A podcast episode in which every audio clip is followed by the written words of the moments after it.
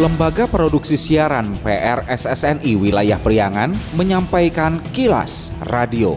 Disiarkan di 20 radio anggota PRSSNI di wilayah Priangan. Dan kilas radio edisi kali ini di antaranya mengenai pengerjaan molor jembatan Sodongkopo di Pangandaran diprediksi rampung April 2024. Bupati Garut tegaskan anggaran perjalanan dinas sesuai aturan. Pendengar, inilah kilas radio selengkapnya. Kilas Radio. Kilas Radio. Kilas Radio. PR SSNI Jabar Wilayah Priangan.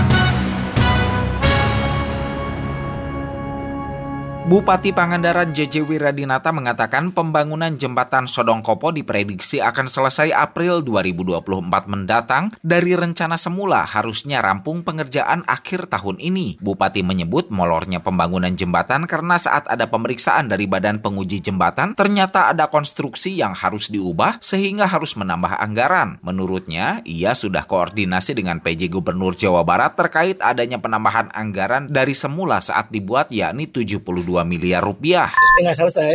Emang saya sedang koordinasi ke Pak Gubernur. Dulu kan ketika dibuat 70 sekian miliar. Ketika ada badan penguji jembatan itu, ada konstruksi ini kebentangannya panjang kan. Maka ada yang konstruksinya dirubah sehingga menambah anggaran. Ya mudah-mudahan April bisa selesai. 2020 April Mei bisa selesai. Pembangunan jembatan Sodongkopo di Blok Nusawiru Dusun Langkop, Desa Kecamatan Cijulang, Kabupaten Pangandaran dimulai 9 Juli 2023 dimaksudkan bukan hanya sekedar akses penghubung, namun juga untuk eksplorasi tempat wisata Pantai Batu Karas terutama dari ujung ke ujung. Saat libur Natal 2023 dan Tahun Baru 2024 Nataru, di mana diketahui arus kendaraan biasanya meningkat dibandingkan dengan hari-hari biasa, akses jembatan Sodongkopo penghubung Pantai Batu Karas dengan Nusawiru, Kecamatan Cijulang, diharapkan bisa dibuka atau sudah bisa digunakan. Sebelumnya, Ridwan Kamil saat masih menjabat Gubernur Jawa Barat menjanjikan pembangunan jembatan sepanjang 140 meter itu rampung akhir tahun 2023.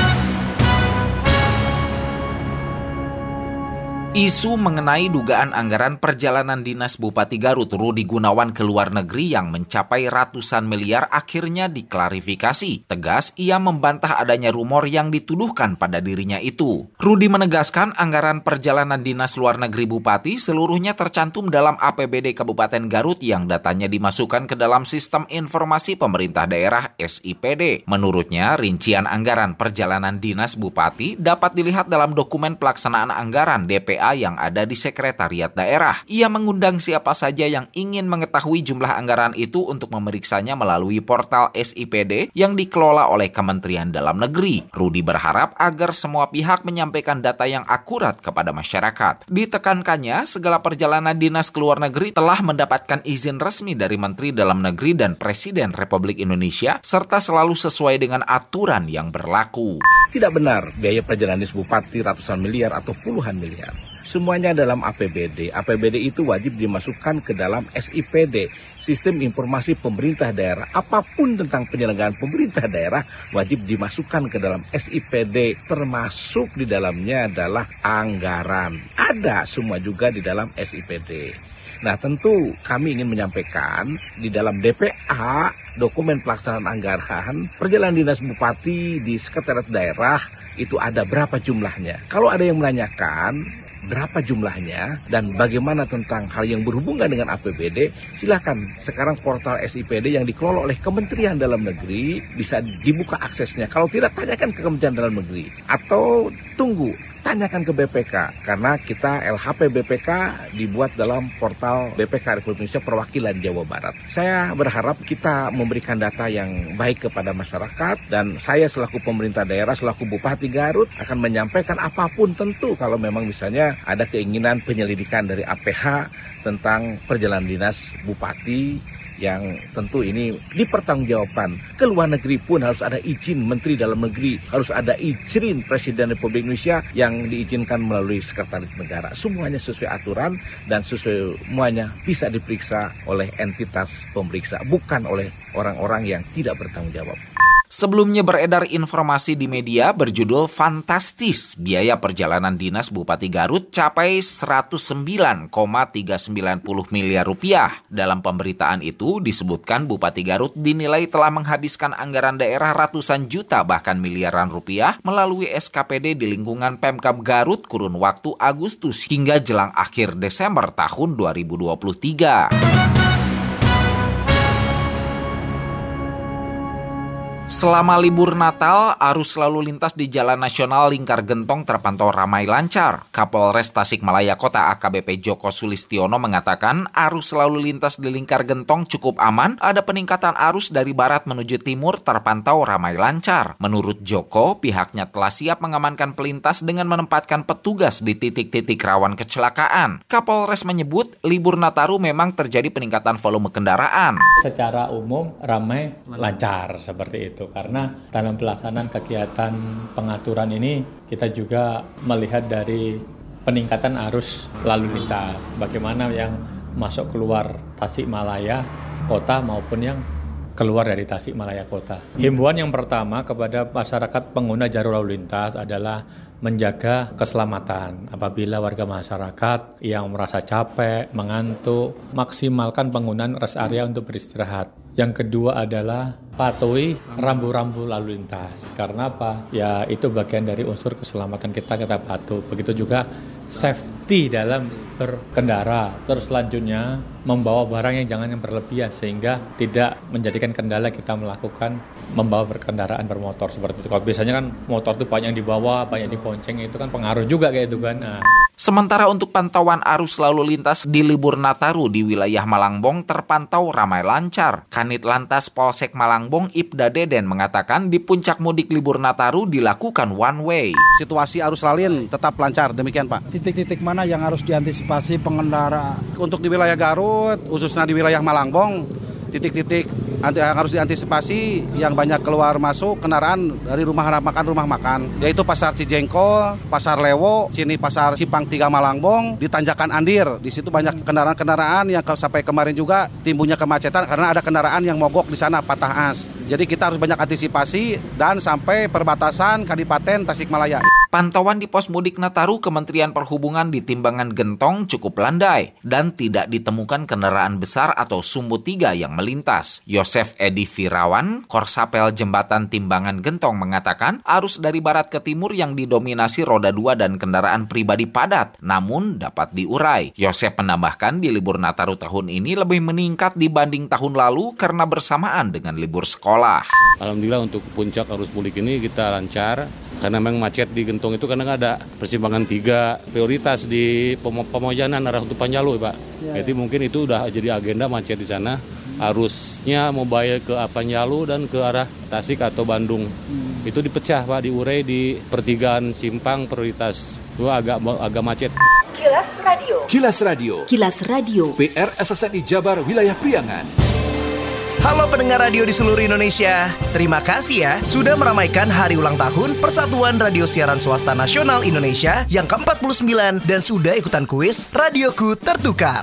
Jangan sampai kelewatan. Pengumuman pemenang saldo GoPay Rp500.000 untuk 20 orang pemenang dan pemenang utama iPhone 15 128GB yang akan dipost di Instagram at PRSSNI underscore radio underscore Indonesia pada tanggal 28 Desember 2023. Ditunggu ya.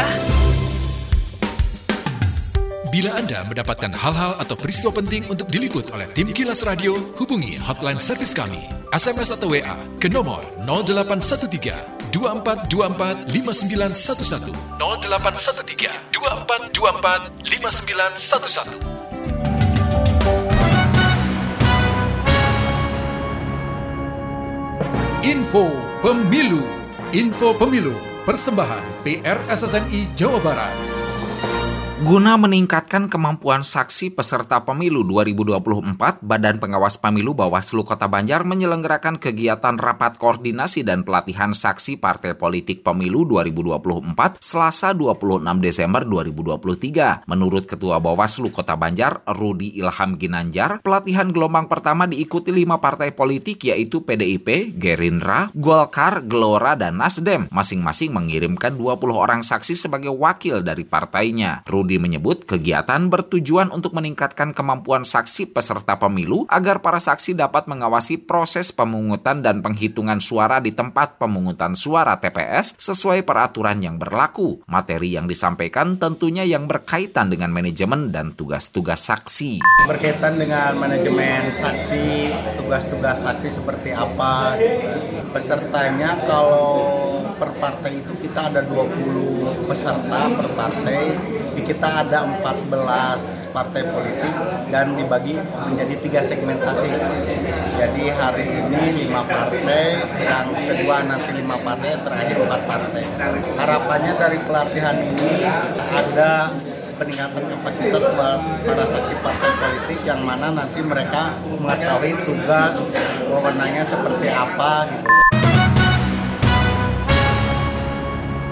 Masih informasi dari kota Banjar. Diduga mencuri pepaya ratusan kilogram dua orang remaja masing-masing usia 17 tahun dan 15 tahun warga Kabupaten Cilacap, Jawa Tengah ditangkap warga desa Sinar Tanjung, Kecamatan Pataruman, Kota Banjar Minggu 24 Desember. Mereka kedapatan memetik dan memasukkan pepaya ke dalam karung di kebun pepaya milik salah seorang warga. Kepala Desa Sinar Tanjung, Asep Hendra Sugiharto mengatakan, kedua terduga pelaku melakukan aksinya pada pagi hari dan sore harinya pepaya dibawa dan dijual ke bandar setelah sebelumnya 3,5 kuintal pepaya disembunyikan di kebun yang lain agar tak dicurigai warga. Menurut Asep, usai ditangkap warga, kedua orang remaja terduga pelaku pencurian pepaya langsung dibawa ke Polsek Petaruman untuk menghindari amukan warga. Terduga pelaku melakukan pencurian ini menyisir tiap kebun, baik warga kami ataupun warga yang dari luar Sinar Tanjung. Jadi modus operandinya beli terduga pelaku ini pagi-pagi pagi